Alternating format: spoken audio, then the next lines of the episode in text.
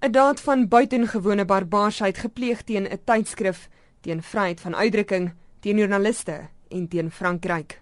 So het die Franse president François Hollande die aanval op Charlie Hebdo beskryf. 12 mense is dood, 10 beseer en dit alles skynbaar as gevolg van die tydskrif se draaksteekery met onder meer die moslem geloof en die profeet Mohammed. Raymond Lou is lid van die Internasionale Pers Instituut, lid van die Suid-Afrikaanse Redakteursforum en hy dien op die uitvoerende raad van die Instituut vir die Vryheid van Uitdrukking. Lou stem volkome met die Franse president saam. That is intention to stop a view from being expressed, therefore an inroad on freedom of expression. A serious one at that. Professor Anton Haber is die voorsitter van die Instituut vir die Vryheid van Uitdrukking en 'n journalistieke dosent aan die Universiteit van die Witwatersrand. Ons het aan hom gevra, is daar perke en grense wat die vryheid van uitdrukking betref? Of course there are limits to freedom of expression. We don't allow people to break the law, to threaten violence.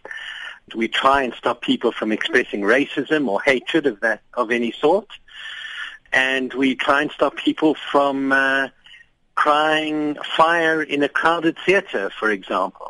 Tog sê hy daar is definitief 'n plek in die samelewing vir satire. What we have to be careful of doing is suggesting that there is something wrong with being provocative or even offensive because if we're scared to provoke, offend, question people and religions and people with power and authority and politicians then uh, we kill public debate and we end up with a journalism which is very bland and not very useful.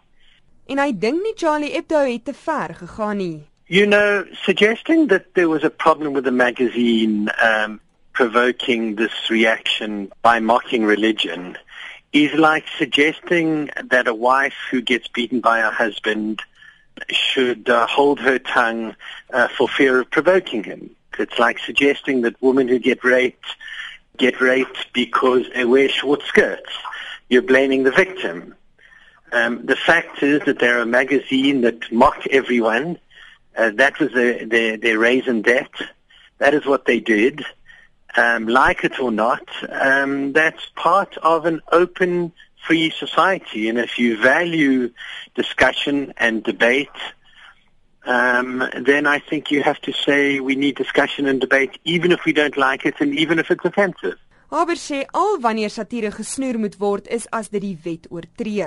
Die solidariteit en steun vir die tydskrif en die slagoffers is volgens hom 'n klinkklare bewys dat die wêreld ten gunste van vryheid van uitdrukking is. Lou sê die wêreld is nou keelvol vir aanvalle op joernaliste en die media in geheel. It's an increasing phenomenon that more and more journalists are being killed every year.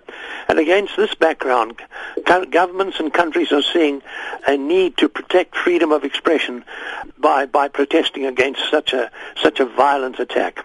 Die buikspreker Konrad Koch en sy pop Chester het verlede jaar opslag gemaak juis oor satiriese uitlatings. Hy sê kwessies soos geloof, politiek, ras en geslag vorm die basis van satire.